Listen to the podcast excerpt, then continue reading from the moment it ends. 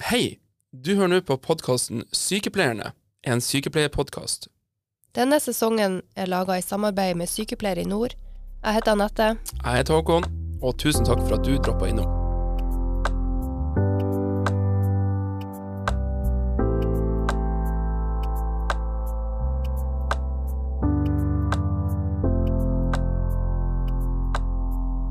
Langt mot nord. Bølgene dem slår. På spissen av Lofoten ligger det ei øy. Båten må gå i både storm og stilla. Du Håkon, Ja. hva er det du holder på med? Ja, d- vi har jo sånn distriktsperspektiv, så jeg tenkte jeg skulle ha en liten sånn skildring av distriktet. Å ja, det hørtes mer ut som du var i reiseradio nå og skulle beskrive noe tips til turistene, eller? Ja, det- takk, takk da. Ja. Du, eh, I dag så har vi jo med oss ei kjempeflott eh, sykepleier og jordmor her, hun Kristine. Eh, Og vi skal snakke litt om det å jobbe i distriktet. Velkommen til oss. Tusen takk. Jeg liker jo da helst å bli omkalt som skjærgårdsjordmora, da. Oi, oi, oi. Sånn bare for å toppe deg, Håkon. Ja, takk. takk. Det skal jeg si. Skjærgårdsjordmora, det hørtes ja. veldig pent ut. Ja. Ja. Du, eh, det er jo snakk om det å jobbe der er kanskje ikke så mange eh, muligheter, og man er kanskje litt alene. Mm. Vi skal komme litt tilbake til det, hvor du jobber og hvordan du opplever det. Men kan du si litt om eh, hvorfor ble du egentlig sykepleier? Ja, altså det, det skjedde over eh, et glass saft når jeg var tolv år. Da satt jeg hos bestemora mi, og hun jobba som sekretær på sykepleierskolen i Bodø. Og så sa hun til meg at eh, Kristine, du må bli jordmor. Og da sa jeg ja, farmor, det skal jeg bli. Så det var liksom Alt var målretta mot jordmorutdanninga fra da. Så jeg visste at jeg skulle gå sykepleier, det bare handla om hvor fort jeg kunne komme inn på det studiet, da. Så har nå bare veien blitt til mens man gikk, da. Men det tok jo litt tid før jeg kom dit. Men det handler jo om at sykepleien i seg sjøl har jo vært så spennende at jeg har bare måttet utsatt og utsatt og utsatt litt. Grann. Mm. Så når du var ferdig sykepleier, så har du jobba med litt andre ting? Ja, da flytta jeg til Oslo og jobba på Rikshospitalet der på, med lungetransplanterte. Og så var det så spennende, så jeg ble jo der i fire år. Og så flytta jeg hjem til Bodø igjen og begynte å jobbe på akuttmottaket. Og så var jo det enda mer spennende, så jeg ble jo der i seks år. Og så tenkte jeg nei, nå er jeg 35, du har fått to barn, det er på tide å oppfylle drømmen din. Så Ja. da gjorde jeg det. Ja. Mm. Begynte jeg da. Så det er ikke for seint? Det er aldri for seint. Nei. Nei, vi har jordmødre som begynte på utdanninga når de var eh, godt over 50 år. Så det er liksom eh, det, Er det en drøm, så bare kjør på. Mm. Men det er godt å ha litt erfaring også i bunnen før man begynner med den. Det er lærerikt. Så det, det er noe jeg anbefaler uansett. Mm. Innenfor uansett hvilken videreutdanning du har. Så det å ha litt sånn basic kunnskap er lurt å tilegne, tilegne seg, da. Mm. Mm. For det er jo veldig mange som, det er jo veldig mange som, som sier det når man starter på et studium av sykepleierne. sier sånn, Jeg skal bli jordmor. Mm. That's my dream. Ja. Og det er litt artig å høre at eh, drømmen kom i virkelighet da. Ja. Kom til virkelighet eh, i en alder av 35. For det er mange som sier det, og det husker jeg sjøl, at vi var jo sikkert 90 som skulle bli jordmann, men realiteten er jo at det er et fåtall som blir det. Ja. Ja. Og om det er fordi at eh, de har funnet seg en jobb som var mer spennende, eller om at de bare ikke orker å ta den videreutdanninga, det vet jeg jo ikke. Men eh, det er i hvert fall ikke så mange som, som til syvende og sist fullfører den drømmen, da. Nei. Nei. Men det gjorde du. Det gjorde jeg. Mm. Ferdigutdanna jordmor. Ja. Eh, og da står det vel ikke skjærgårdsjordmor på vitnemålet, gjør det det? Eh, nei, det gjør det ikke. Men det står på CV-en med, med capslock. Og da var det noe som skjedde når du ble ferdigutdanna. mm. Eh, du satt deg på denne båten eh, som ble skildra tidligere i introen, til eh, ei øy Ja. Langt mot, langt mot nord, Langt mot eh, eh, utafor Lofoten, som heter da Værøy. ja. Men eh, nå gjorde jeg faktisk noe som var enda kulere, for jeg satte meg i et helikopter. Ah, du, oi, Ja, For det går bare helikopter og båt til Værøy. ikke sant? Så det er sånn jeg kommer meg til min jobb, det er å fly helikopter. Ja. Ja.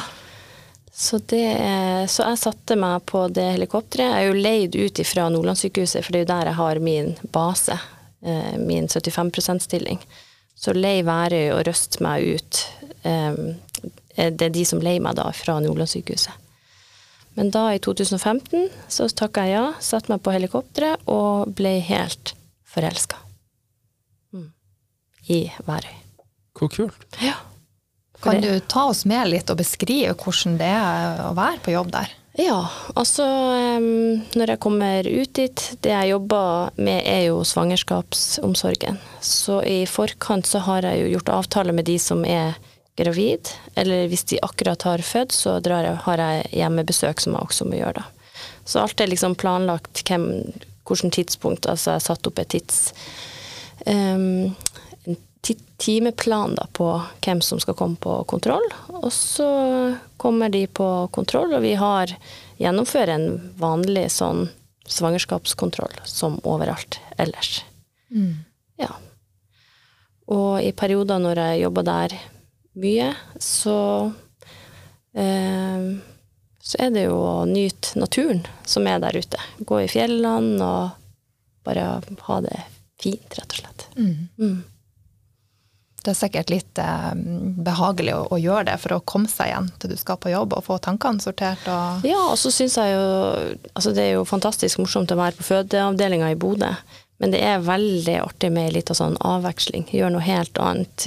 Jobb jordmorfaglig på en helt annen måte enn du gjør på føden i Bodø, da. Så det Men det liker jeg veldig godt. Men det er jo, det, er jo um, det må jo være slags store kontraster mellom å være på sykehuset i, Bodø Bodø med masse kollegaer rundt deg, og du kan gå opp i kantina i, og kjøpe deg caffè latte, og, Ja, ja, ja. eh, og så går man ned igjen og har masse faglige eh, samarbeidspartnere rett rundt eh, neste dør. Og så er man plutselig på Værøy. Du beskriver en slags normalhverdag med mm. det- Det er kontroller som overalt i landet. Og, Men hva er det som er liksom utfordringa med liksom å, å være alene jordmor på ei øy? Eh, altså, det er jo det du egentlig sa der, at du er veldig alene. Eh, du må eh, ha litt sånn tru på magefølelsen din og kunnskapen din og det faget du jobber med. Og det sier jeg jo til alle gravide som jeg har inne, at det har lav terskel for å henvise inn til eh, sykehuset hvis jeg føler at det er noe som ikke stemmer, eller som avviker fra noen ting. Og så er jeg også ærlig på at jeg, det er ikke alt jeg altså, Man er jo ikke et leksikon, det er ikke alt jeg kan. Men hvis det er noe jeg er usikker på, så vil jeg så eh, er jo jeg så heldig at jeg kan ringe en kollega i Bodø eller en gynekolog og konferere. Og det er jo kjempeviktig. Ikke bare tenk at det her går greit, men virkelig liksom her, Jeg må vite at det her er ok. Så det er liksom Og, og ikke, ikke være redd for å be om hjelp, da. Mm. Og så har du jo også lege på legekontoret som har kontor ved siden av meg, en sykepleier som jobber på som helsesekretær. Så man har jo alltids noen man kan også henvise til. Ja. Få tatt noen ekstra blodprøver, eller eh, få en henvisning inn til ja, hva det måtte være. Så det, det å på en måte bruke de du har rundt deg på en bra måte, da. Ha en åpen dialog og, og samarbeide godt er viktig. Det er klart, Værøy er en liten De har ikke De har jo ikke Jeg jobba jo en periode som helsesykepleier eh, der ute.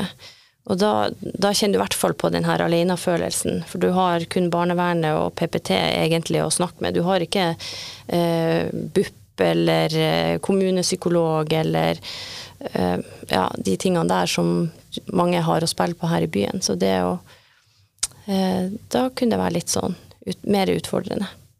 Når det blir så eh, litt færre å ta av, da, på en måte. Mm. Og det er jo gjengs over at eh, det er jo mange sykepleiere som jobber ute i, i distriktet. Mm. Slags definisjonsspørsmål hva distrikt er, men, men, Mm. Men det er, jo, det er jo mange som står alene, og som, som du sier, du må liksom stole på den magefølelsen Mm. og ha den lave terskelen og, ha gode venner i, i, i faglige venner Mm. rundt og ha en snakkelag og Ja, bruk de du har. Ja. Og det som jeg opplever på Værøy og Røst, er jo at utrolig rause folk. Altså både de som har til kontroller, men også de som jobber rundt. Alle vil jo der eh, vil jo at eh, at det her skal bli bra, da. Ja. Og har du en akuttsituasjon, så vet jeg jo at det er jo sykepleiere på øya. Så man hjelper hverandre. Man må bare ta den telefonen og si 'jeg trenger hjelp', eller nå tenker jeg sånn spesielt hvis det skjer akutte situasjoner. Det er ikke gitt at en lege skal stå alene i en akuttsituasjon. Da ringer man de sykepleierne som er på helsesenteret eller noe sånt, og så får man noen ekstra hender og litt ekstra kompetanse også på diverse ting. Mm. Så det er lav terskel for å få, få litt hjelp og få samarbeid med, med noen andre. Ja, ja det er det. Mm. Hva skjer hvis at det, noen må forlate øya da for å få helsehjelp på en litt, i litt høyere omsorgsnivå? Hva, Ja. hva gjør du da? Det spørs jo hvor akutt situasjonen er. Hvis jeg bare tenker at den her må ha en ekstra kontroll, eller en ekstra eh, Kanskje dra til en ultralyd for å sjekke at babyen har det fint, så kan de jo reise med båt eller med helikopter. Det bestemmer de sjøl. De fleste reiser med helikopter. Um, fra Røst er det jo fly. Uh, men uh, hvis det er akutt, så er det jo, det er jo Sea Kingen som er der ute på Værøy og som er det eneste alternativet. Og det har jo vi hatt. Det er jo utfordrende det også. Jeg kan jo bare gi et eksempel. Når, når både Værøy og Røst blir fort isolert nå i de her vinterstormene som herjer her i nord. Eh, og det mm, De har jo vært isolert opptil fem dager. Båten går ikke, helikopteret går ikke, flyene går ikke. Og du har eh, en andregangsfødende som ringer til legen og begynner å eh, føle at noe skjer. Eh, vi vet at det kan gå veldig fort på andregangsfødende, eh, og hun har hatt en traumatisk første fødsel. Legen kommer, tenker egentlig ikke at hun er i fødsel, men han ute herjer stormen, flya, altså alt står. Eh, han ringer Sea Kingen for å konferere, og de sier ja, vi kan fly nå.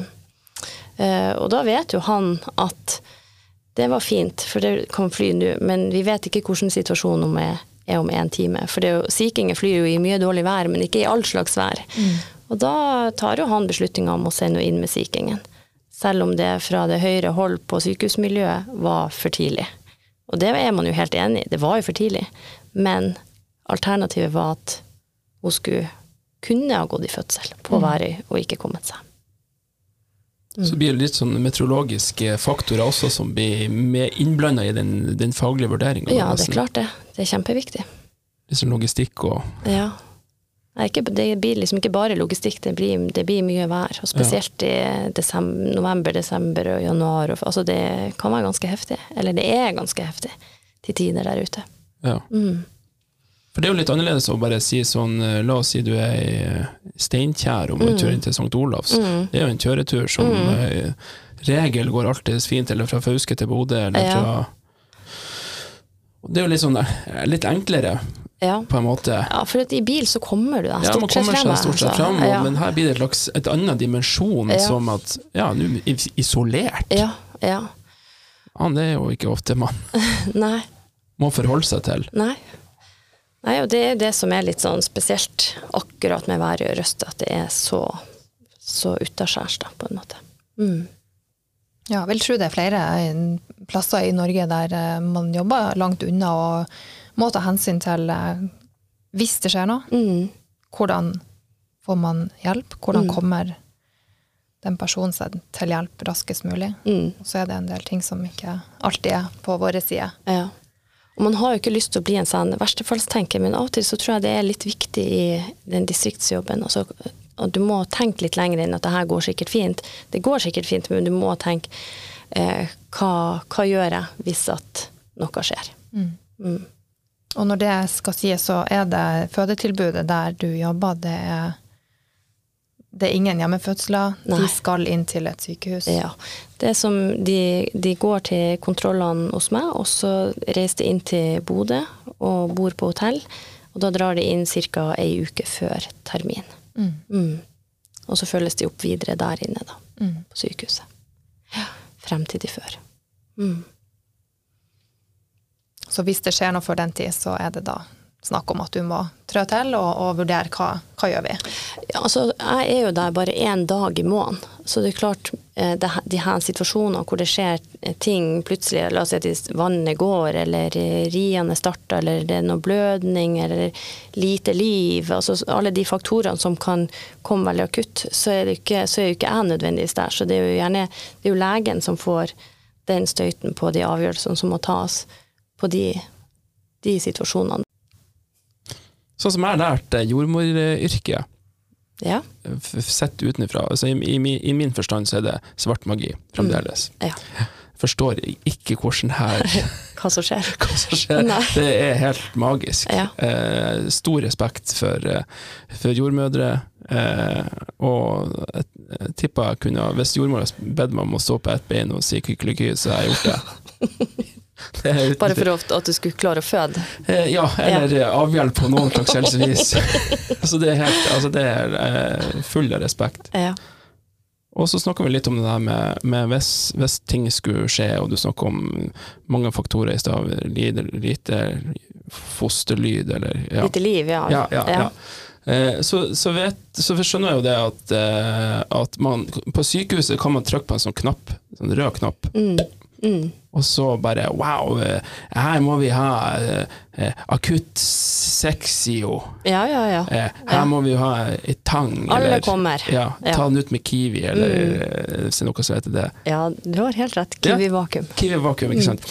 Eh, så skjer ting, ikke sant. Det er masse folk som kommer, gynekolog og ditten datten, og bare wow, her skjer Hva er den røde knappen i distriktet? Den heter jo 113, da. Det er NN3, ja. Det er Ja, NN3. Mm, mm. Ja, Det, er, det er den du har. riktig. Mm. Og så um, og så må du uh, tro på det du kan. Du må tro at du, må, du er det beste øya har. Altså de, det er det kanskje viktigste. Ja. Uh, og, så, og så må man bare gjøre så godt man kan. Og så går det som regel uh, bra. Men det å få hjelp, og så bare prøve å holde hodet kaldt. Eh, og så eh, La oss si at det skulle være noe som var fødselsrelatert, da.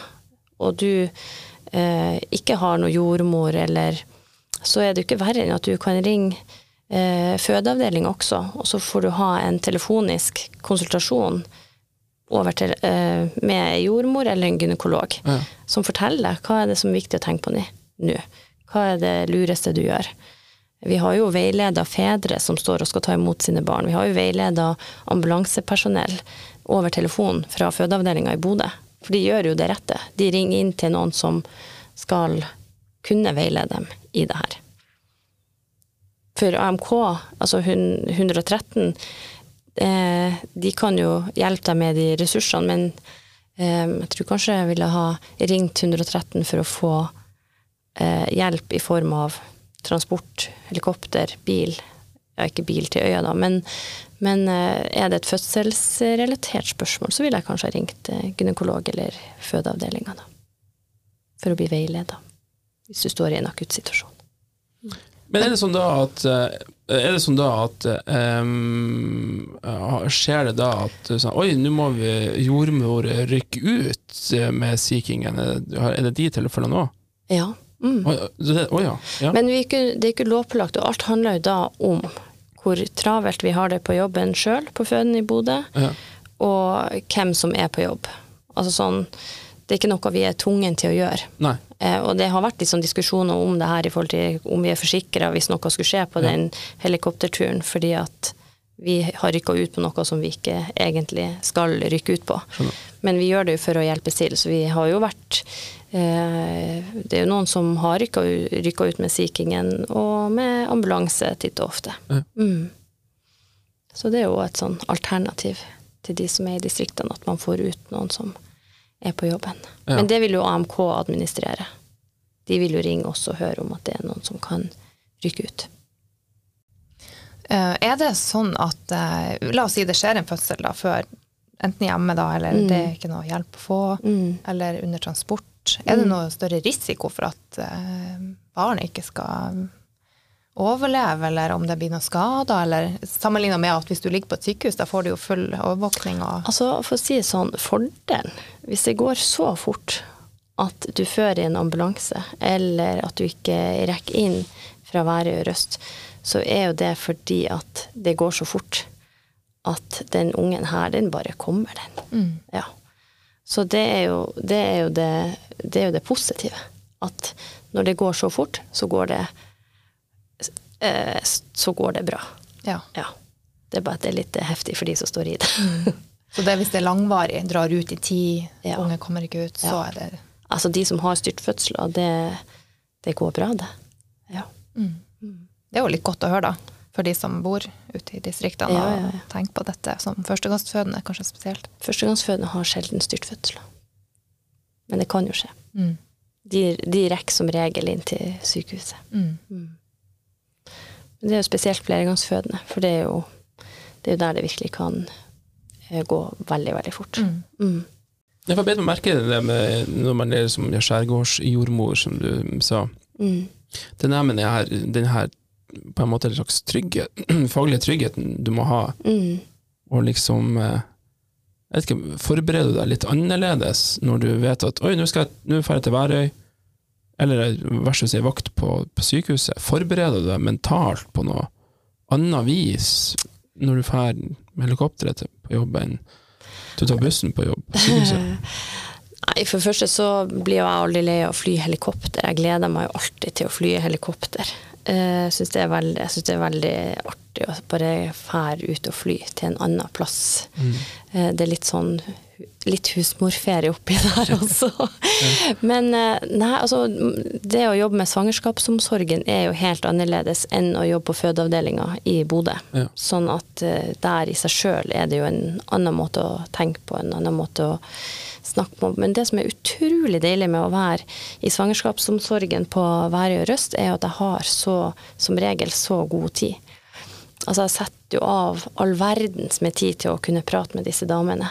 Sånn at eh, selv om jeg kanskje bare har tre gravide, så går hele den dagen. For eh, jeg sitter, har dem gjerne inne på kontoret i et par timer. Bare sitte og prate. Jeg kan prate om fødsel og svangerskap til krampa tar meg, for det er det artigste jeg vet å prate om. Og jeg tror de setter veldig pris på det.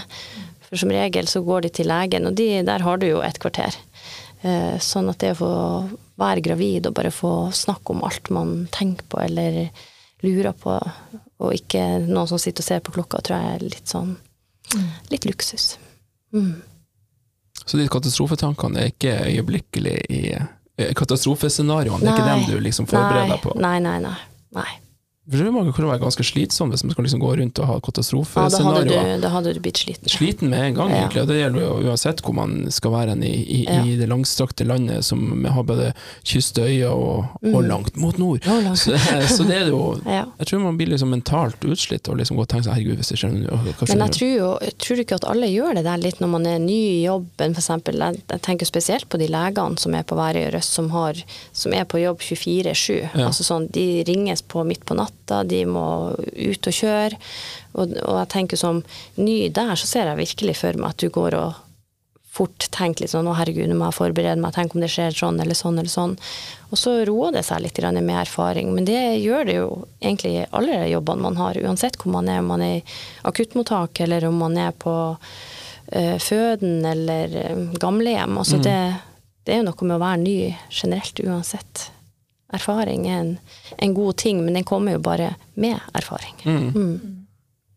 Og det er jo dessverre sånn at de, de opplevelsene som man kanskje kjenner på som negativ, er jo de man drar mest erfaring med. Mm. Mm. Lærer mest av. Ja. Mm. De mest utfordrende situasjonene er Mm. de du lærer mest av, ja. Ja. Men uh, nå er det jo sånn at eh, det er jo mange sykepleiere som jobber i distriktet ja. generelt, og mange har kanskje gått sykepleien desentralisert, de bor i distriktet, og de skal jobbe der når de er ferdige. Mm. Men da er de mer sånn nyutdanna og kanskje litt uerfaren. Mm. Du, har du noen sånn tips til de eh, i forhold til um, Hvordan skal man tenke når man jobber i distriktet? da? Man er litt mer alene, men så du sier Er det noe sånn råd du har, som at de kan bli tryggere i jobben som nyutdanna? Ja, altså den tryggheten kommer jo etter hvert. men jeg tror den viktigste egenskapen er ydmykhet. Og det å være ydmyk i forhold til jobben, og ikke være redd for å be om hjelp. Ikke redd for å ringe eh, noen og be om assistanse eller råd, eller bli veileda i noen ting. Snakk med de som har mer erfaring. Hva ville du ha gjort? Eh, vær nysgjerrig, og still spørsmål. Du kan aldri stille for mange spørsmål. Og vær på. Vær på når du studerer. Vær på i forhold til praksisen din. Kan jeg få sette vennflon? Bare sett så mange vennfloner du klarer. Kan jeg få gjøre sårstell? Eh, Gjør så mange sårstell. Altså sånn alt som du eh, Særlig hvis du vet at du skal jobbe i distriktet. Vær på når du er i praksis, og få tilegna deg mye sånn praktisk kunnskap, sånn at det ikke blir en sånn bøyg å sette vennflo når du står i en akuttsituasjon ute på ei vidde en plass eller et eller annet. Bare gjør det du kan for å tilegne deg trygghet. For alt handler jo om erfaring, det vet jo vi alle som sitter her. At eh, det du gjør mye, det blir du god på etter hvert. Mm. Men ikke utlært. Nei. Og kanskje ikke tenke at du skal kunne alt. Du skal ikke kunne alt. Du kan ikke alt. Det er det viktigste. Du kan jo ikke alt. Når du er ferdig i sykepleien, det er jo da du begynner. Det er da du begynner å lære. Da du skal begynne å finne din vei. Hvem er du som sykepleier, og hvordan har du lyst til å være, og begynne å ja, finne, finne en måte å praktisere på, da. Men det krever jo en del å stå i de situasjonene. Man sier sånn, ja, erfaring, man snakker om ja, man må få erfaring, ikke sant. Mm. Det krever jo en del av, av den enkeltindividet å stå i de her situasjonene. Oi, Mm. du kommer i en krevende situasjon. Mm. Men det koster jo noe. Ja. ja. Ja, det er, og det er jo tøft hvis det skjer en veldig akutt situasjon, og du står der veldig alene da. Ja. Men jeg tenker jo, altså på, på Værøy og Røst så har jo legen, de har jo sykepleiere på helsesenteret de kan eh, hente inn.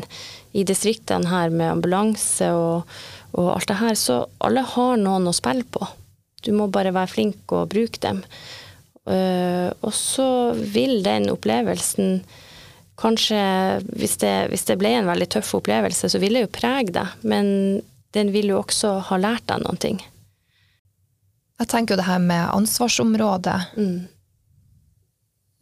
Altså, skal man gå utover det, eller er det viktig å holde seg innenfor de altså oppgavene man har, også, det, altså for å unngå at det skjer feil, eller? Ja, altså sånn eh, Jeg syns jo mye er blitt eh, prosedyrestyrt, og man styres av retningslinjer og selekteringer av alt. Og, og jeg tror det er veldig viktig å være bevisst sitt ansvarsområde.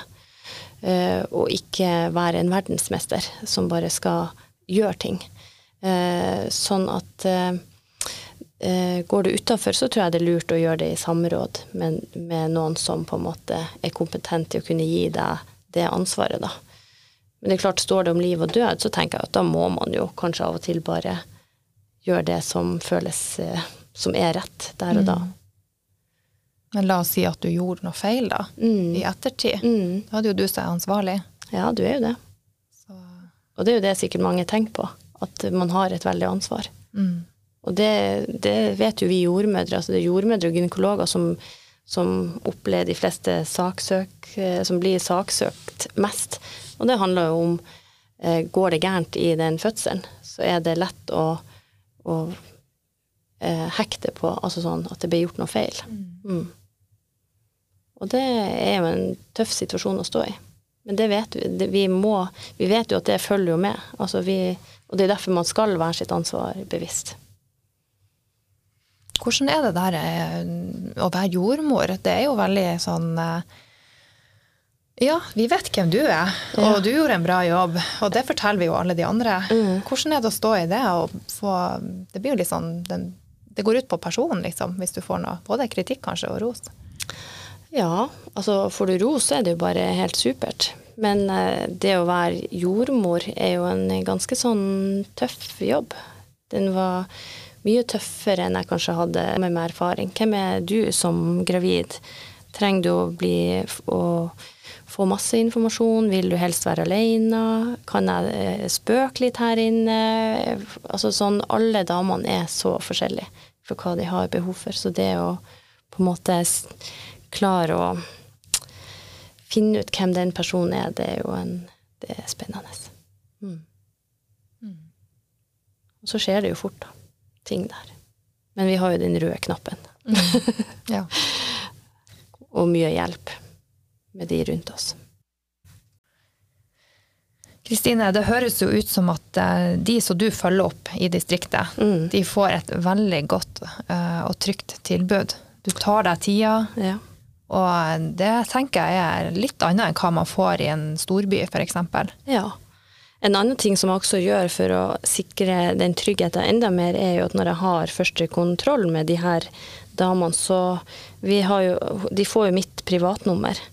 Så jeg sier jo til alle damene mine at de må ringe meg, sende meg melding, uansett på døgnet omtrent. Kan jeg svare, så gjør jeg det. Eh, kan jeg ikke det, så vil jeg ringe dem opp igjen.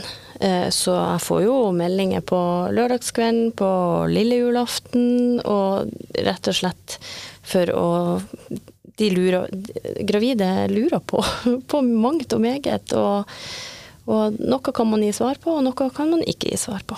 Men eh, eh, det er i hvert fall Jeg vil i hvert fall at de skal Jeg vil at de skal gjøre det fremfor å sitte og lese opp på nettet og bli stressa når de sitter på ei lita øy. Mm. Ja, for det tenker jeg òg. Søker man på nettet, så er det jo utrolig mye informasjon Mm. Ja. som kanskje ikke er helt Nei, god. klikke.no det eh, det er ikke en kilde til forskningsbasert informasjon. Hæ? Er ikke Klikk og Kvinneguiden er ikke de øh, Nei, Oh, ja, det? Men det de kanskje av og til også bare trenger, er å trenge å få en sånn bekreftelse på at det er greit å kontakte legen, eller greit å dra til sykehus, eller sånn. De, de vil bare ha det liksom at noen sier til dem ja, jeg syns du skal dra til legen for dette, eller jeg syns du skal fly inn til Bodø for dette. Jeg har jo også møtt dem her på sykehuset, at de kommer og får en liten sånn ekstra sjekk hvis at de er veldig bekymra. Så de har det litt sånn, de har en litt sånn private midwife-funksjon. Det er jo magisk. Veldig bra. De er heldige. Ja, jeg syns jeg, jeg synes jeg er heldigst. Ja. Men eh, det er jo mange sykepleiere, kanskje spesielt sykepleierstudenter, som har lyst til å bli jordmor. Mm. Hva er det de går til, da? Hva, er, hva går yrket ut på? Ja, det er, det er i hvert fall et veldig variert, og så er det jo et fantastisk yrke. Men det er ikke rosenrødt som man kanskje tror. Det er en heftig jobb. Du skal vite hva du holder på med. Og, um, og det går fort i svingene. Så du må, du må tenke på to faktorer. Du må tenke på en baby, og du tenk, må tenke på mor. Eh, og vi har jo Vi lærer jo det her på jordmorutdanninga. Hva vi skal se etter, og hva som er viktig, og alt sånne ting. Og det er litt sånn Jeg husker når jeg kom ifra Når jeg begynte på akuttmottak, så syntes jeg det var så spennende. For jeg syntes det var så artig med spennende med traumealarmen, og det å jobbe fort, og det å være i forkant på en situasjon, og hva skjer nå, og hva, hvorfor er det sånn her, og hvorfor funka ikke det tiltaket som jeg gjør, og man måtte hele tida tenke litt sånn fremover, da, eh, og være i forkant. Og det eh, trodde jeg at jeg skulle savne, at jeg liksom jeg skulle ikke få den biten på jordmoryrket, men det gjør du. Så du må, det at du, du, du må tenke, og du må jobbe, og du må liksom bare ja, være på. Eh, og bare vite at alt som regel er helt normalt, men det kan òg bli eh, rimelig fort akutt også der. Det er mye lukter, det er mye blod, det er mye mye Kroppslige væsker, kanskje? Ja, det kan man si. Det er mye følelser. Vi er jo Jeg pleier å si at på fødestua det er det rommet i verden hvor det er minst rom for skuespill. Det er ingen som klarer å fake eh, noe der. Der er det Og man vet ikke hvordan man er i fødsel før man er der sjøl, så vi er nødt til å forholde oss til veldig mange forskjellige um, opplevelser av en fødsel. Mm. Og møte hver enkelt der de er, da. Nei, Så har du det- jo far eller medmor det jo nok, ja, og så er det jo liksom det eller med- medfar. Eller medmor, ja. Um, nei, det er, mm, det er mange ting å, å følge med på, og det er mye som skjer i en fødsel, og det syns jeg er helt uh, alle kan ta imot et barn, som det bare å kommer kjempefort, og det går fint. Men uh, det er jo der du må tenke litt og jobbe litt. Det, de er litt art- spennende, de også. Jeg har sett på sånn film Oi. eh, der man kan bruke et sånn der eh, liten sånn her eh, Det ser ut som et stetoskop laga av tre. Ja. Bruker man det? ja. Gjør man det? Jordmorstetoskopet, ja. Ah, Ja, ja, ja. Den er, noen bruker det mer enn andre. Jeg syns den er et kjempefint verktøy for å lokalisere hvor Den bruker jeg masse i svangerskapsomsorgen. ja. For at, eh, hvis jeg vil finne ut hvor babyen Må finne ut hvordan babyen ligger ved å lytte med den, Wow. og at lyden er fin. Mm. Men i dag er det mye tekniske hjelpemiddel, så vi jobber jo med å få studentene til å bli glad i dette verktøyet. Ja. Men uh, Det er jo litt old school. nei, det er ikke old school, det er et fantastisk uh, verktøy. Vi bruker det, det er mange som bruker det. Kult. Ja. Det må aldri forsvinne.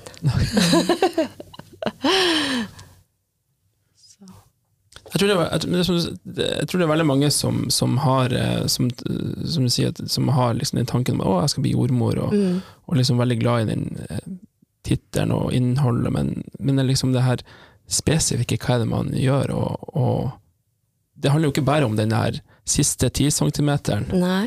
og du snakker om det å være i forkant, og Ja, ja, ja. hva slags vurderinger gjør man i, i forkant, liksom? Tenkte på når de kommer inn til fødeavdelinga i Bodø. Ja, i, i, mitt, I mitt hode er det fremdeles eh, graviditet og fødsel er svart magi. Så det er jo litt sånn her, hva, hva slags vurderinger kan man gjøre i forkant av en, av en fødsel? Ok, eh, Sånn som i svangerskapsomsorgen på Værøy, så sjekker jeg jo at magen vokser som den skal. Da har vi jo et mål. Altså vi måler fra symfysen til fundus.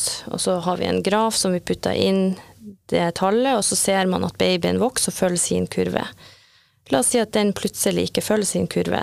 Da ville jeg vært rask med å henvise inn til poliklinikken i Bodø for å få gjort en ultralyd og sjekke at babyen vokser Ah, fort. Og så er det jo det her med at hjertelyden er der. De tar jo alltid urinprøve på kontoret hos meg.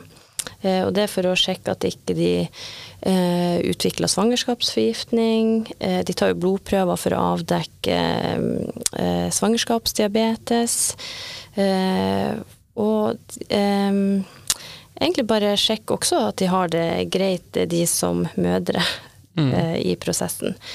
Når de kommer til fødeavdelinga, hele fødselen, det kunne vi jo hatt en egen podkast om, for det er jo så spennende. Men det vi alltid forholder oss til i en fødsel, er jo hvordan er progresjonen i fødselen, hvordan håndterer babyen riene, eh, går det fremover, eh, hvordan har mor det?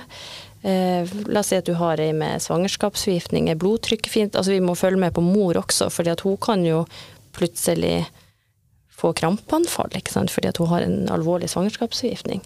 Er det her forsvarlig lenger? Begynner lyden til babyen å tulle? At, eh, at det er forsvarlig? Eh, Eller må vi ta og trykke på knappen og få ut babyen? Altså det er jo mange faktorer som, som er vanskelig å forklare på tre minutter, eh, som spiller inn i forhold til hvordan en fødsel foregår. Men alt vi er opptatt er jo av at går fødselen normalt fremover, kommer babyen ned? Er det en stor baby, eller er det en liten baby, eller er det en stor mor, eller en liten mor? Eh, er lyden fin? Alt. En far, da. Vi må følge med på far også. er bra. Og de er en veldig viktig rolle også oppi det her. Mm. Mm. Men noen vil være der og se på det som skjer, noen vil holde seg i bakkant, noen blir bleik, og vi må sette dem ned. Og noen De fleste håndterer det her helt utrolig. Gi dem noe å gjøre, så håndterer de det, altså. Men du, jeg husker faktisk når jeg gikk på sykepleien, så var jeg med på en fødsel Mm. der ungen, når den kom ut, Mm. så bar det rett ut i naborommet, Mm. Full fart. Mm. Og da sto jeg igjen der med hun som fødte, Mm. og den som hun hadde med seg. Ja. Og det ble helt stilt. Oh, ja. Ja. Og det var ganske utfordrende som student å stå i. Hva sier man, hva gjør man, hva skjedde? ja. Hva tenk, hvordan jobber dere da? Hva, det er viktig å redde ungen, ja, men de som er igjen der hva, Altså det, når jeg er på Værøy Røst og skal snakke om fødsel og for fødselsforløpet, så må jeg alltid også snakke om eh, kan, Vi snakker mye om det fine med fødsel, men vi må også snakke om det som kan skje i en fødsel. Og det er jo, det, det er jo der at man eh, ting blir så akutt at man får ikke tid til å informere underveis. La oss si et katastrofesnitt eller sånn. Det handler bare om minuttene for å få ut dette barnet. Samme hvis du får ut et dårlig barn. Hva gjør man? Da har man ikke tid eh, kanskje til å informere foreldrene. Eh, så det som er veldig viktig, er den samtalen etterpå. At man kommer seg fort på banen. Kanskje ikke akkurat den jordmora som nå holder på med det, men at noen kan gå inn og ta seg av de som sitter igjen. For det er klart, eh, vi har hatt noen fedre som sitter som aspeløv og lurer på hva det var som skjedde, og er redd, rett og slett. Så det er viktig at, at, det kommer inn folk og kan hjelpe de. Det er jo som i, i et vanlig traume. Det blir jo et traume for de som står i det. Mm. Så det å få god informasjon og en god samtale etterpå er kjempeviktig. Så du burde jo vært ivaretatt. Mm. Mm. ja. Nei, men det høres jo fornuftig ut. Altså det, det viktigste å redde ungen, selvfølgelig. Mm. Altså da, og det forstår alle. Ja. Det forstår alle. Ja. Men det er jo noe påkjenning, det der, for eh, både en fødsel og de ja, har eh, det er, ja. det er tøffe tak. Det er magisk, som du sier, Håkon. Ja, det er magisk. Mm. Ja. Det er magisk. Ja. Du er ikke noen tryllekunstner. Nei. Men jeg føler meg nesten sånn når jeg har en fødsel. Ja. Mm. Tusen takk, eh, Kristine, for at du kom og fortalte oss um, om det her med å jobbe i distriktet, men også det å være jordmor. Veldig spennende. Og så er det jo bare å ønske lykke til til alle de fødende der du jobber. Takk. Og lykke til i din jobb. Og det høres ut som du gjør en kjempebra jobb, altså. ja, jeg er i hvert fall veldig fornøyd med mitt yrkesvalg. Så mm. Ja, nei, det er i hvert fall ingen som eh, kommer til å få min jobb som jordmor på Værøy Røst før jeg blir pensjonert. Høres bra ut.